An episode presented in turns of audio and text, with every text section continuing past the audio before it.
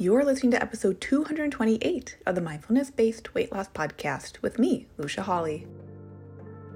Welcome to the Mindfulness Based Weight Loss Podcast, the show for women like you who have tried restrictive diet after diet and are ready for simple, thoughtful solutions to help you sustainably lose weight for the last time from a place of abundance and peace. If you're looking to end the yo yo of comfort eating and rigid weight loss protocols, and instead step into living your life mindfully on your terms while losing weight in the process, you're in the right place. Hey, party people! Welcome, welcome to the show. Whether you've been here for a while or you're new, I'm so glad that you're here and I'm really looking forward to spending this time with you. You know, I know I record this and then I release it, and then you listen to it on your timeline. So I know we're not technically like having a conversation, but it feels like it. it really feels like even when I'm with a guest, it feels like we're having conversations and you're right there with us. So, thank you for tuning in to today's episode. And I have a super fun guest with me. I feel like she's a sister from another mister. Her name is Lisa Kilgour, and she's a nutritionist, actually, British Columbia's number one favorite nutritionist. And Lisa has such a complimentary way of being in relationship to her food. We met each other now, I guess, about a year ago, a little bit over a year ago. I was um, offered her new book at the time, Undieting, which is wonderful, and I will link in the show notes. And so we had a great conversation on the podcast then, and we've remained friends since. And I just so appreciate the ways in which she speaks about food. And I think this is really important. I think there's no one right way to speak about food. So if you listen to this show, there's likely something about how I voice things around food, nutrition, weight, mindfulness, body, all of those subjects that resonates with you on some level. But how I speak about food is different than how someone else does. And that's why I love to have these different guests on, regardless of the subject, because just how someone phrases something in a bit of a different way or has a bit of a different view or just lens or perspective on a subject, I think can help it click just on that deeper level with other people. So, I thought, why not have Lisa on? And so you can hear from her perspective because it's one that I trust and honor so much and so respect. And sometimes we just need to hear things from someone else. And Lisa is such a great person to be hearing such a loving message from. So, if you resonate with the idea of not dieting, with undieting, if you want to know a little bit more about your cravings, and we just jump into a bunch of different subjects on today's show. I know you're in for such a treat. So let's get into the interview. Awesome. I'm so excited. Lisa, hi. Thanks for joining me. Hello, thanks for having me on again. I enjoyed our last conversation so much. It was it's still my number one favorite podcast interview I've had.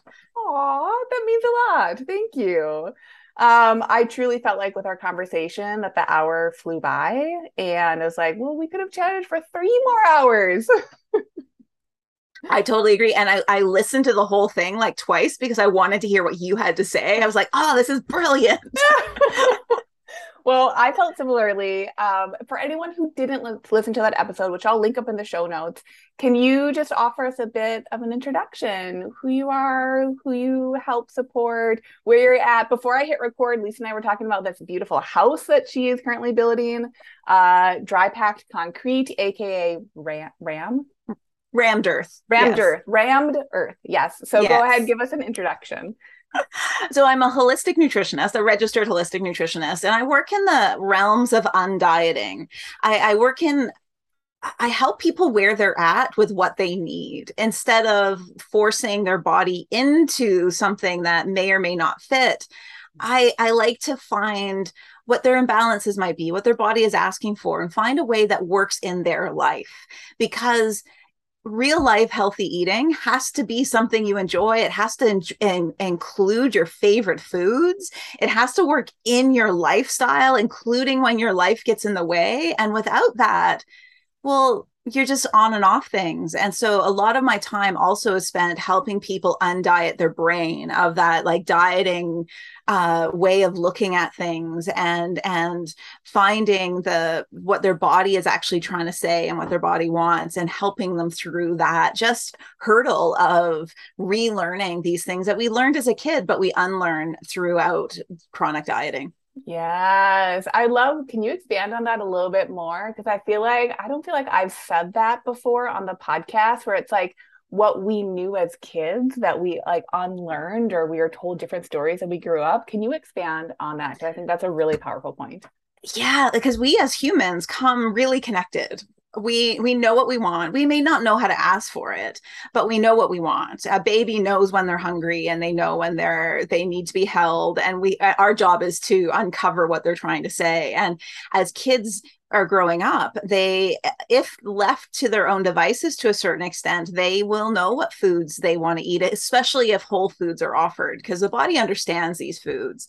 And uh, uh kids know when they're hungry they know when they're full and adults rarely know what they're hungry, rarely know what they're full, don't always know what they like, know their cravings, but they don't really know more than that what their body is looking for and what their body wants because we spend so much time willpowering over these body signals that that what a diet is is says you need to force your body into this this package and that here are the hacks to get through those moments when your body gets loud. But the truth is is your body always wins. There's always going to be a moment that your body kicks you off that diet and says okay fine like i finally get my way. And now be, due to the restriction you feel like you can't like you're out of control and this is your body attempting to save your life. This is your body as your very best friend and your best ally in your house saying, "We need to eat food. You've been restricting for so long." And and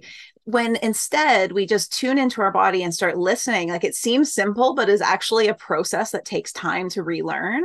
Um, we can be like kids and say, "What you know? What I really want tonight? I really want broccoli." How is that possible and what i what i see in my clients is there's just this one it's like a, a light switch and in this one appointment they come and they just and the common thing they say is food's not a big deal now is it and i'm like no it's not like I generally want like vegetables and stuff, but if I want a cookie, I have a cookie, but it's not a big deal. Like it's, I just eat a cookie. I'm like, I know, isn't it amazing? and that's when I know they're never going to diet again. They're never going to willpower over this gorgeous body of theirs that's trying to keep them healthy. The the trouble is is when you've been willpowering over for so long, it's hard to recognize it as your best friend because what it's asking for is Twizzlers and chocolate and candy and sugar and all of the things you've said no to. And instead it's asking for something we just got, got to decipher what it is and sometimes it's the little tantrum of you you've told me no for too long i want i, want this and it becomes powerful just from the no uh, but it's a really fun process that um, with some trust it, it, it you can get to this moment and it's yeah, it's literally like a light switch. I have a client where I'm talking through diets for session after session. And then one day they show up and they're like, wow, food isn't a big deal. I, I want the I broccoli and I want the cookie, and they go hand in hand. Totally. and there's no guilt when they eat the cookie. So one cookie is fine. Yeah. Like it's not a big deal. Yeah. I think that's so integral what you said about the willpower, because I feel like willpower and how we like we're we're almost not even explicitly taught about willpower. I feel like it kind of comes from the ethos of like the culture of dieting or this modern culture where we start to realize, oh, there I should have more willpower because that's how our, I will power through things. I almost feel like it doubles doubles down on itself where we try to willpower through our willpower, which is so ironic, exactly to your point, where it's like, ah, actually, yeah. the more we release away from that, the more we see that it was never really about the willpower in the first place. No, and the willpower is just a muscle. It just wears out. That's all that happens. There's no weakness. You're human. You you held a weight over your head for 6 months and now you dropped it. And that's just what happens when you run out of willpower. I was blessed with almost no food willpower.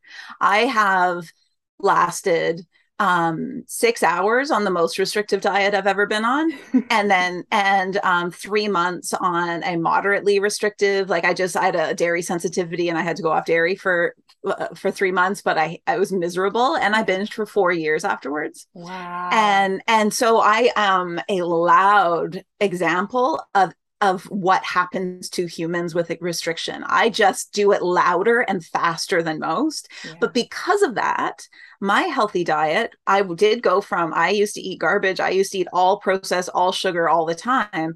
My dietary changes had to be easy. They had to be something I liked, and they had to be something I liked better than how I felt before. Yeah. And that's what made that made it so i never like every step i made was uh, was forward. I, I rarely like i never felt like i had to go backwards because i wasn't using any willpower to go forwards. And so it was just a step by step process. And my healthy diet is easy. Like i, I don't even like to I, my healthy way of eating yeah. is easy because i eat what i want. Yeah. and i and i notice how i feel when when i eat food versus and and because there's no guilt and there's no willpower I don't have to try very hard. Yeah. I actually love that you just said, I feel like you caught yourself or like shifted the language, but I love that you just said healthy diet because I do also think, and I'd love mm-hmm. to hear your opinion on this. I think we're in a really interesting time. Maybe it's just in the online health and wellness space. Like, who knows? I feel like there are kind of trends that come and go. I know you've spoken about the trend of eating high protein before, and like we could talk about that because, I am right there with you about that. But I do feel like there is this trend where the word, and I say this as someone who's like, yeah, you can stop, you can undiet, you can stop dieting for forever. But I do think a lot of, I think in our culture right now, we're putting so much pressure on that word, like the the noun, I guess, diet, when really it can be as neutral as we want it to be. Because just like you said, a diet is simple, like a dog has a diet, a cat has a diet. A diet, from that scientific standpoint, is just like what are the foods that we are consuming.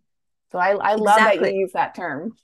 I loved your TikTok video about that. I was like all in. I, w- I, I loved every second of it because it's true. We we've put this pressure on the word, and I'm I'm cognizant of when I use that word due to the weight that that is put on it and that that because dieting a, a, diet seems to be something you're either on or off you're either good or bad yeah. it has this judgment to it I don't feel like I'm on or off something. I this is just the way I eat. Um, and technically it is the word diet. And it's like, how do we shift as a culture to you to back to this noun being what it is? And and I think that this is a choice we make, but it's also work that we have to do. Like there's a wiring in our brain. There's decades and generations of learning of of the weight of judgment with the word diet that's going to take some time to unpack as a culture. Yeah, it is. It's really saying like, okay, do I want to have like an experiential like practice. I think that's kind of what you're getting at too is like, am I yeah. willing to practice undieting? Am I willing to say, like, okay, these other structures that are out there that are more restrictive, uh, very extremely structured, let's say, am I willing to like set those aside?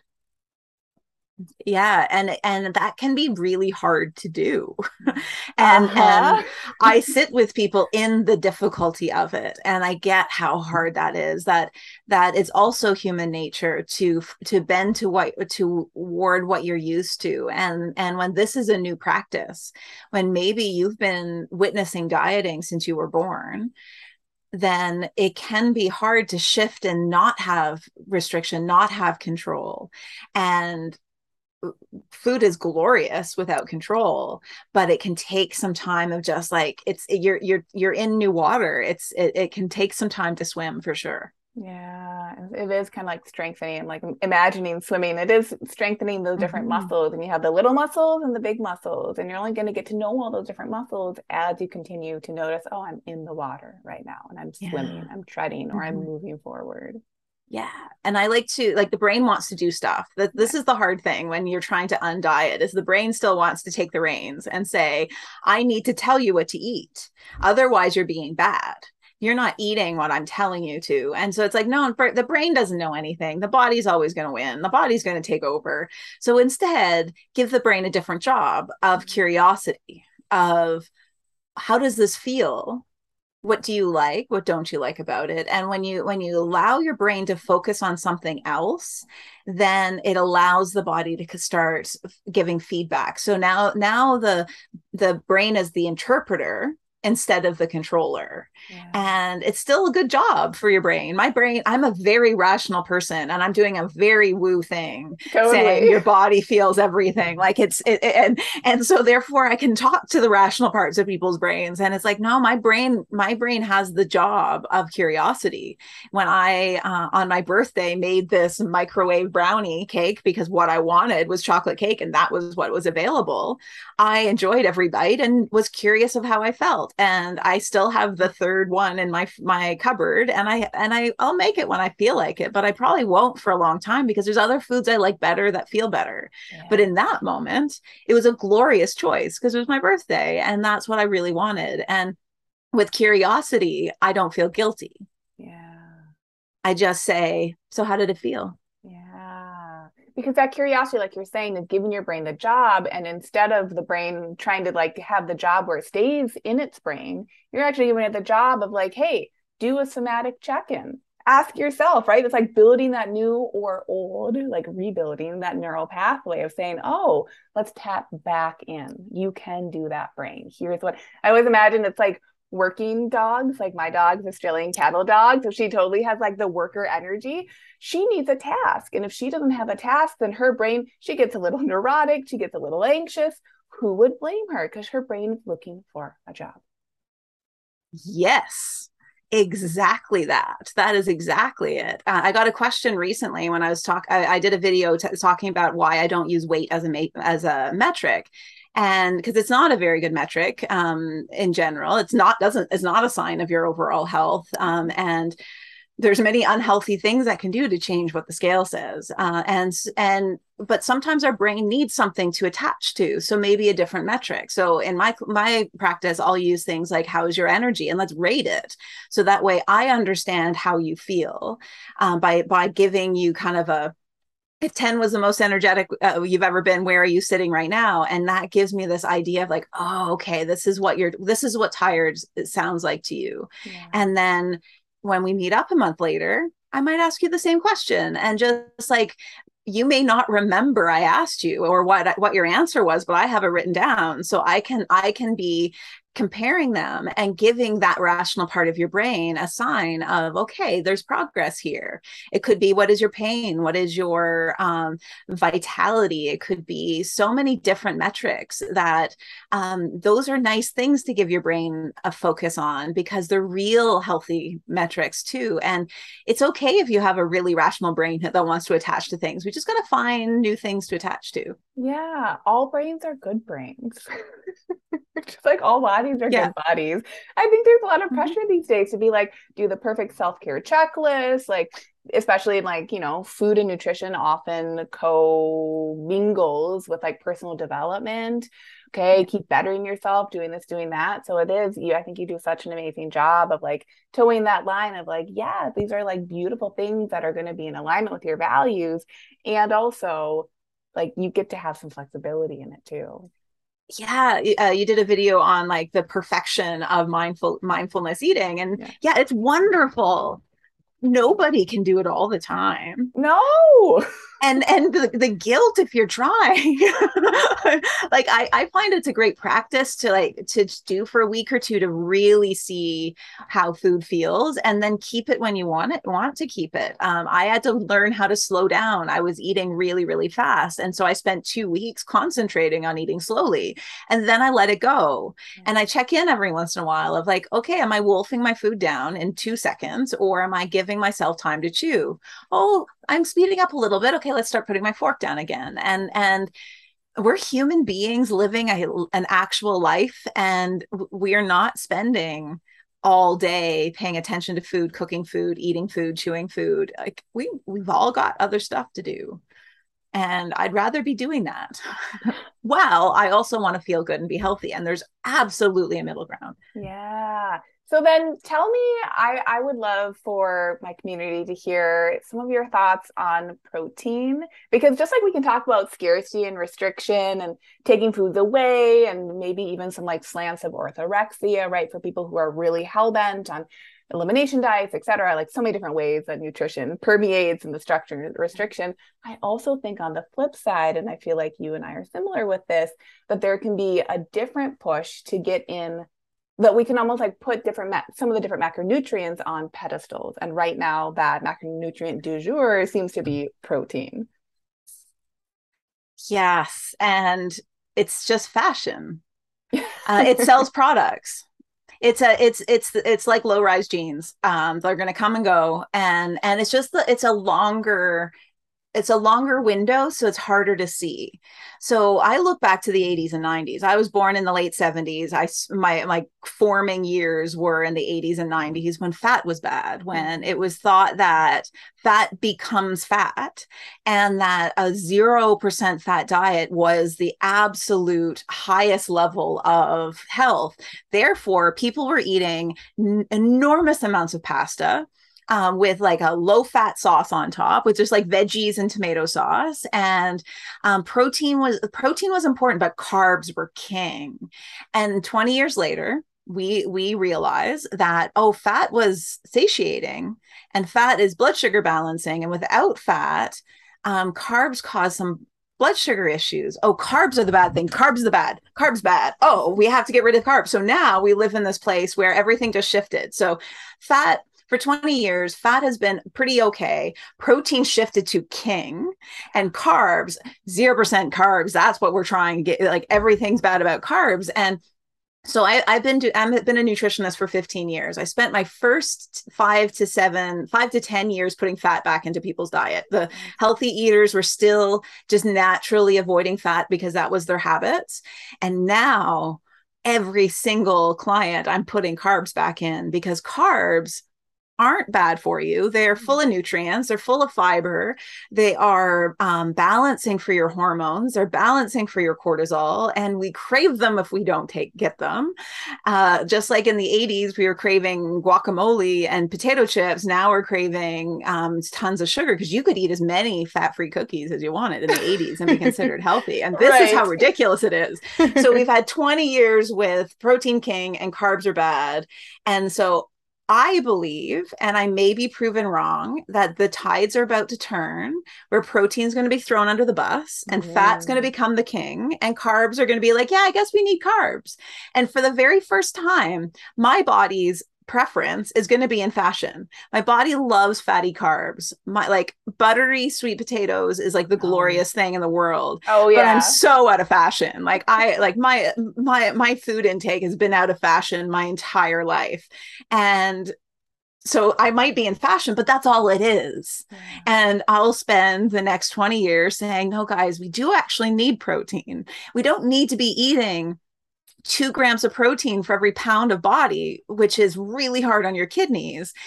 And we don't need to refine it into protein powder, but we do need to eat it. Yeah and so like I, I, what i'm hoping is this doesn't happen and instead we get out of this craziness and just say all macronutrients are important. We need to stop refining them. We need to mm-hmm. be eating them as whole as possible. We need to find the balance our body is looking for.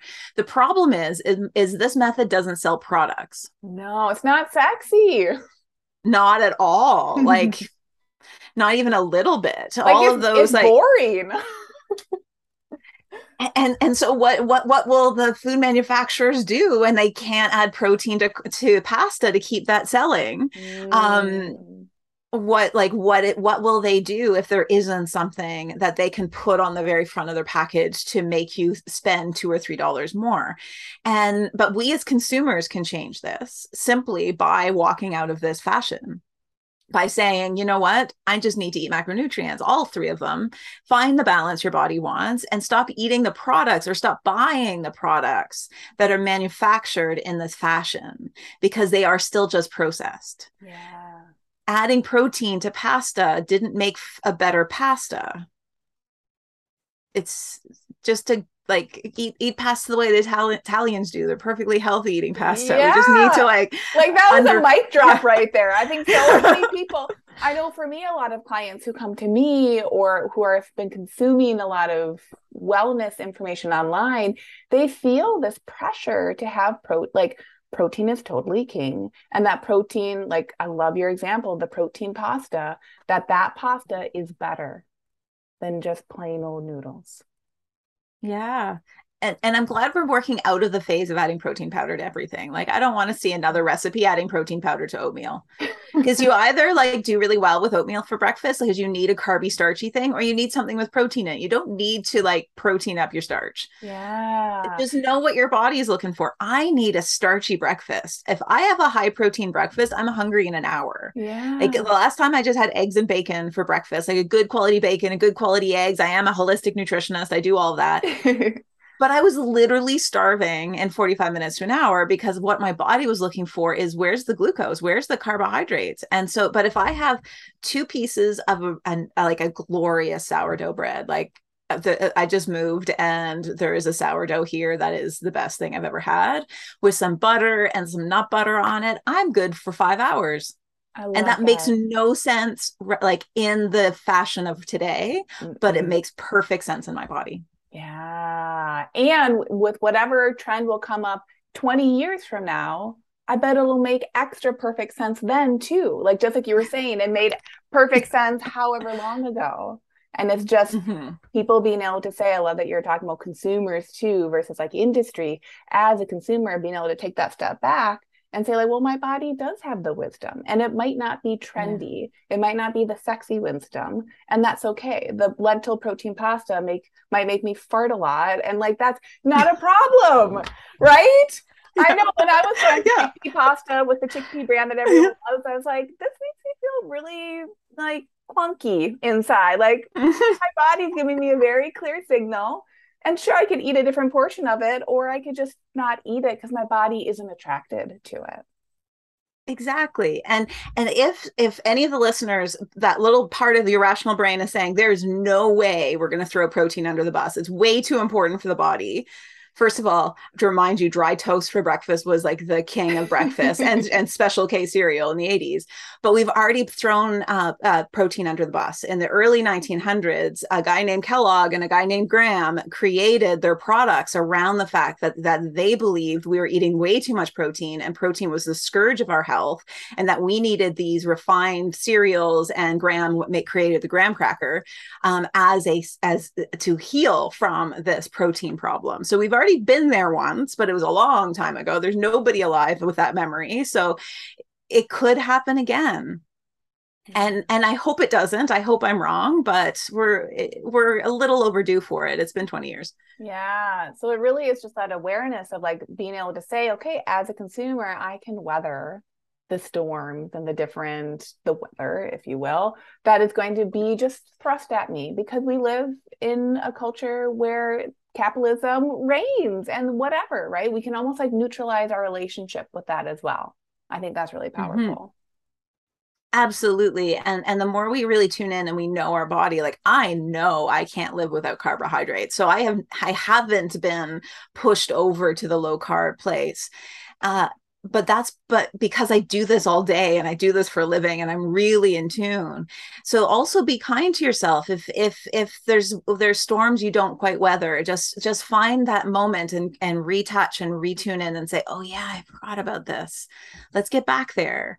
Because we're all human. We're, we all like we are a group cult uh, we're uh, we're attracted to community and and group think at times. And but at any point you can just retune in and say oh yeah I remember in the 90s, I felt great. What did I do then? Or 10 years ago, I felt fantastic. What was that? And and just learn what your body is looking for and retouch in anytime you feel like you need to be reminded. Yeah.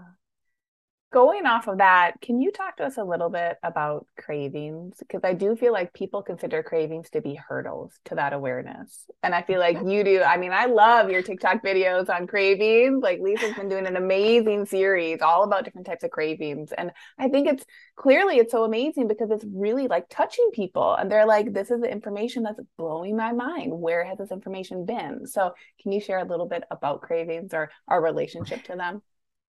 So cravings are my favorite question to ask people. I ask pre i i, I don't I, I think i can say i ask every single client i work with what they crave because they tell me so much. And the reason they tell me a lot is that when you're chronically dieting hunger goes away feeling satiated goes away even likes and dislikes go away but what gets loud are cravings. Cravings don't just never go away they get louder and louder and louder. And the reason they get louder is that they're lo- the language of your body they're your body trying to ask for something. And it it, it will find moments of exhaustion of stress of sadness of all of that to get its way. And and when we when we deal with the physical underlying issues of cravings then what's left are the emotional cravings that we can then tackle. But i find 90 to 95% of those cravings that may feel emotional are actually physical cravings that we just need to listen to and re- adjust.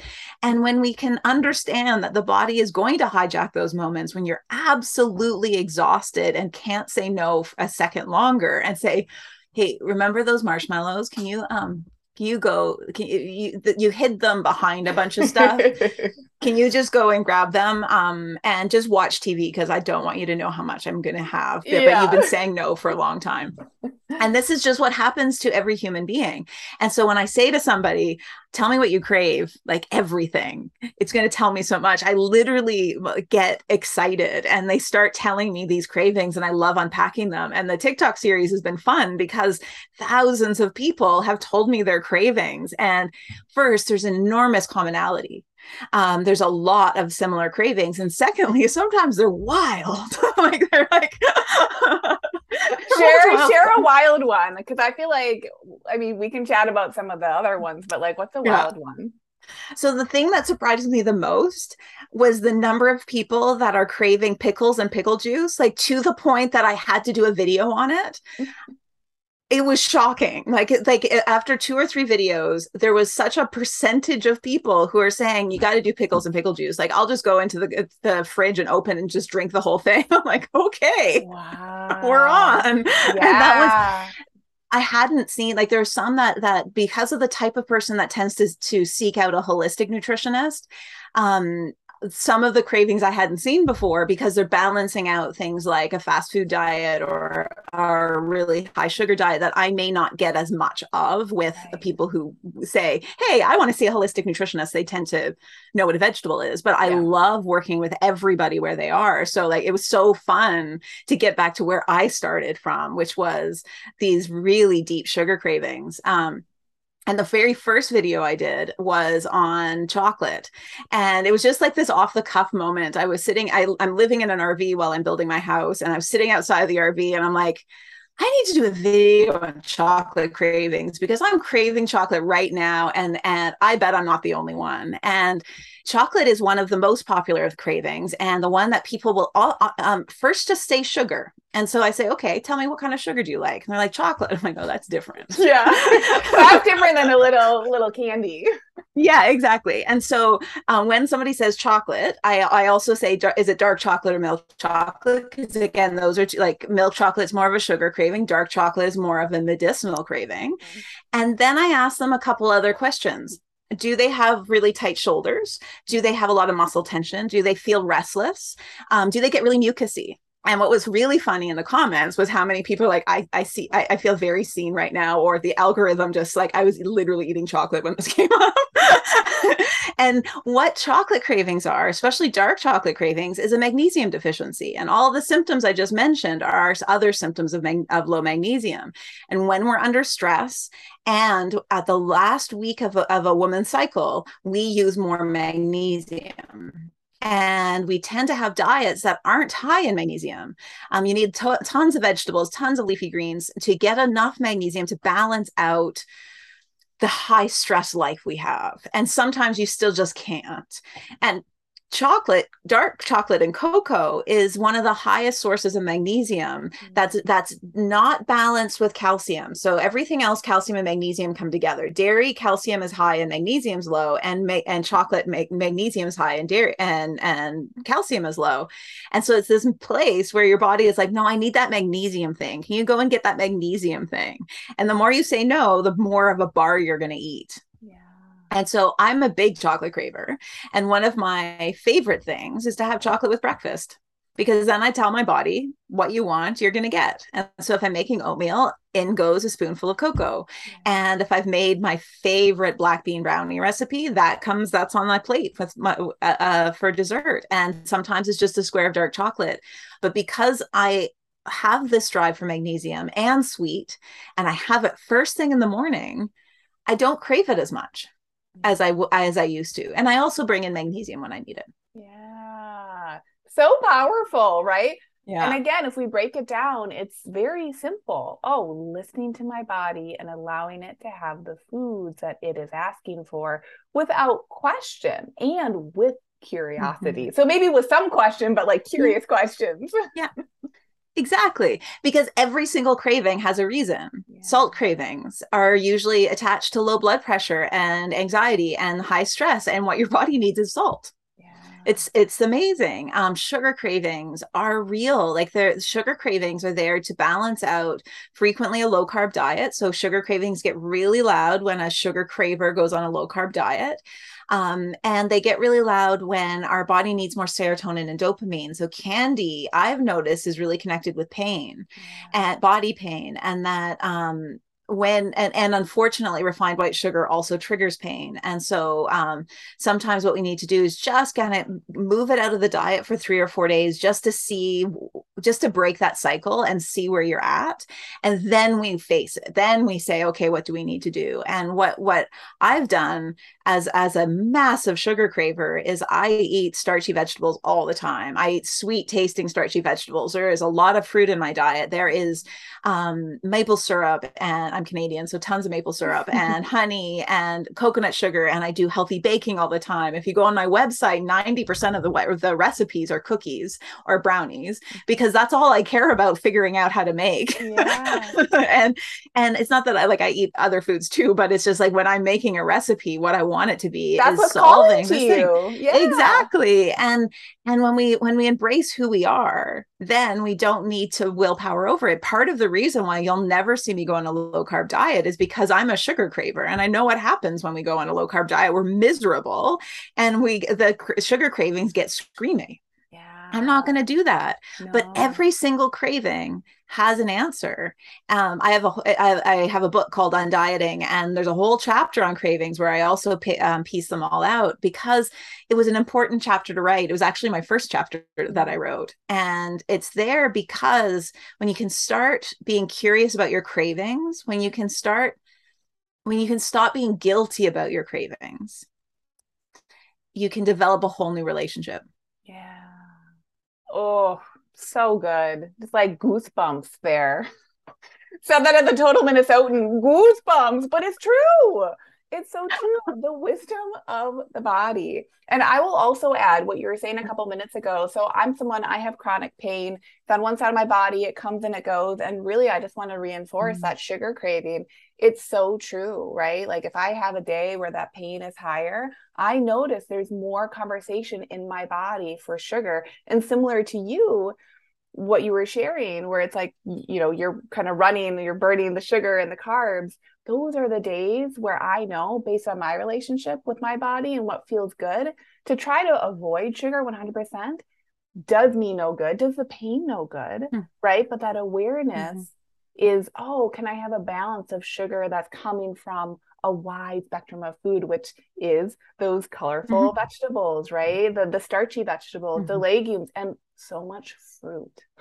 so much fruit. Yeah and i found at least in my experience that that those are the ones that don't trigger that pain cycle that it's just the refined guys yep. but you have to give your body the sweet taste it's looking for. You absolutely have to. This is not a time to willpower over it, it doesn't do your pain any good. And you you can still get that serotonin boost from these other foods and it makes a world of difference and it makes it actually doable because no one's going to stay on it if they're if they like if I remember 15 years ago, if I had gone to a practitioner, I'd gone to a couple and they kept saying, you have to go off all sugar. And I, I was like, that's not possible for six months. It was the only way to heal the gut imbalance that I was dealing with. And I was like, that's okay. At some point, maybe I, will try. And I've never done that yeah. ever. And I still fix, uh, rebalance the gut imbalance. Instead, I replaced, like, I worked on replacing them. And that maple syrup is fine in my body. Yeah. And so I don't and I so I don't even think about white sugar because there's all these other options that just feel good. Yeah. It it kind of switches the mindset like if we talk about the emotions from the scarcity mindset to abundance mindset, which again, yeah. culture of dieting, culture I would say culture of dieting is like culture of power and control, which is kind of like culture of scarcity at yeah. the end of the day. So mm-hmm. totally flips it on its head of saying like, well, what if? Like, what can I have? Exactly. What would feel so good?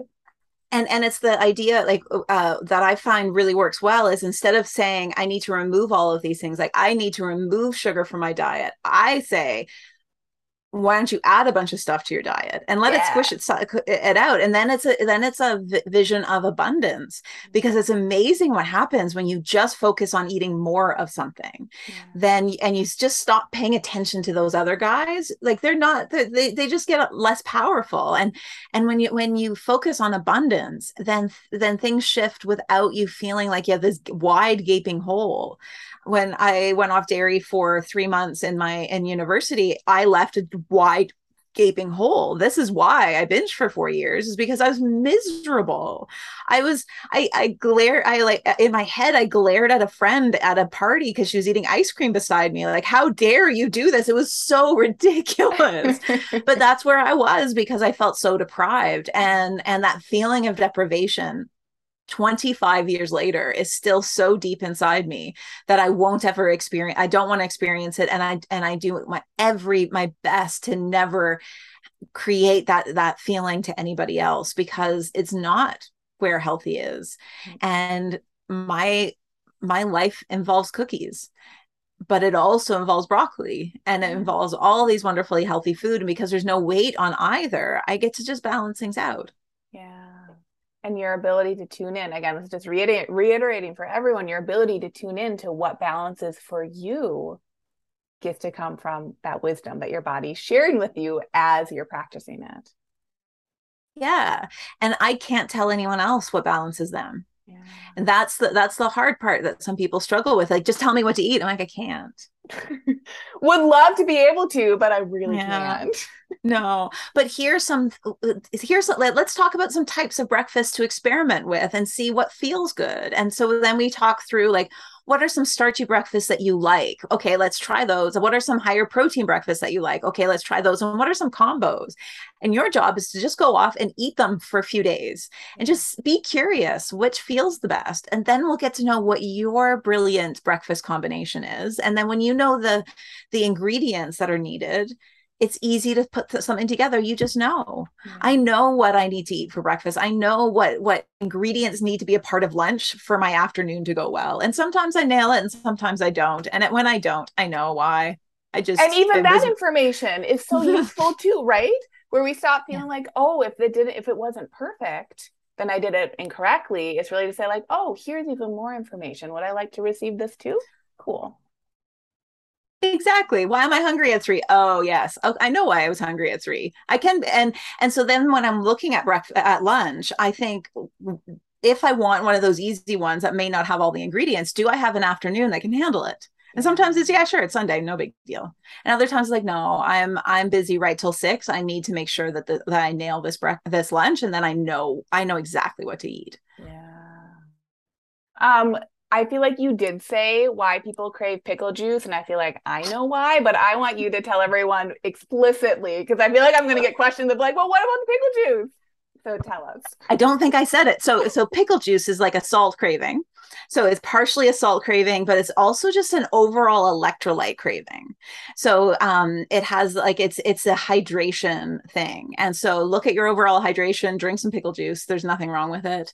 Um, apparently, it's this thing that like people like there's stores dedicated to pickle juice stuff, and there's products dedicated to pickle juice. I don't know how I missed the whole pickle juice thing, um, but uh, it it is like it is your body is attracted to it because of the nutrients that, that, are found in it. And it's this idea that we shouldn't eat salt that that makes it seem bad. But if your body wants salt nine times out of ten unless your doctor told you otherwise you need salt like good quality sea salt. You just actually need this is an important nutrient for your body. Yeah. Yes. Amazing. So beautiful. Um how do you support people? Where can people find you so there's a, there's a few ways. Um, I uh, you can find me on my website lisakilgour.com. Uh, you can find me on my uh, TikTok channel at Lisa Kilgour Nutrition, and um, I also have a book, Undieting: Freedom from the Bewildering World of Fad Diets, and you can find that on online re- retailers. And then I also have um, a group program called Your Beautiful Life that for a small monthly fee you can be a part of, um, where you can just get the support and the I write master classes every month on some topic that has uh, undieting as kind of the cornerstone. Hey, and then um, I also do one-on-one appointments too. So if what you want is some like hands-on help, you can more book in to see me, and we and I will work with you exactly where you are. More women listening for. to this message, so they know oh, it's so powerful. I even have. I mean, clearly, when you were on before, we were talking about your book undieting. Come join Lena Liberated, where we'll work together, and you'll learn how to take this process to the next level. Oh, thank you. In your weight loss goals. I encourage everyone to go get it, and of course, go to luciahawley.com luciahawley.com. That's L U C I A H A W L E Y.com. You are a rock star on TikTok, and all the information that you share is just so useful. And I feel like how you share information is very um uh, it, uh, I was gonna feel like palatable. It's very you how you share your information is very useful. It's very broken down and very digestible. Let's say, let's use that pun. Very digestible. Thank you. And that's exactly how I feel when I watch your, your TikTok videos. I'm just like, I, I, you relax me. I'm just like, oh yes, you're saying it exactly the right way. I even use your your um, podcast regularly when I can't figure out how to explain something, and I'm like, Lucia's done this already. Uh, let me let me just go and see how she explained it. That's awesome. I love hearing that. Um, again, another hour has pretty much flown by. So I just want to thank you for coming on here and sharing your wisdom talking about cravings, talking about undieting, because I just think this continues to be what so many women and just people in general need is really reinforcing that, like, yeah, you can do it. And you're such a great testament to it yourself with your story, which you um, we talked talked about your story even more so in our first conversation on the podcast, which I'll link mm-hmm. up. But anyway, thank you. Thank you. Thank you for being here and sharing your wisdom. Thank you so much for having me. I love ch- chatting with you. It always makes me happy. uh, let me hit stop.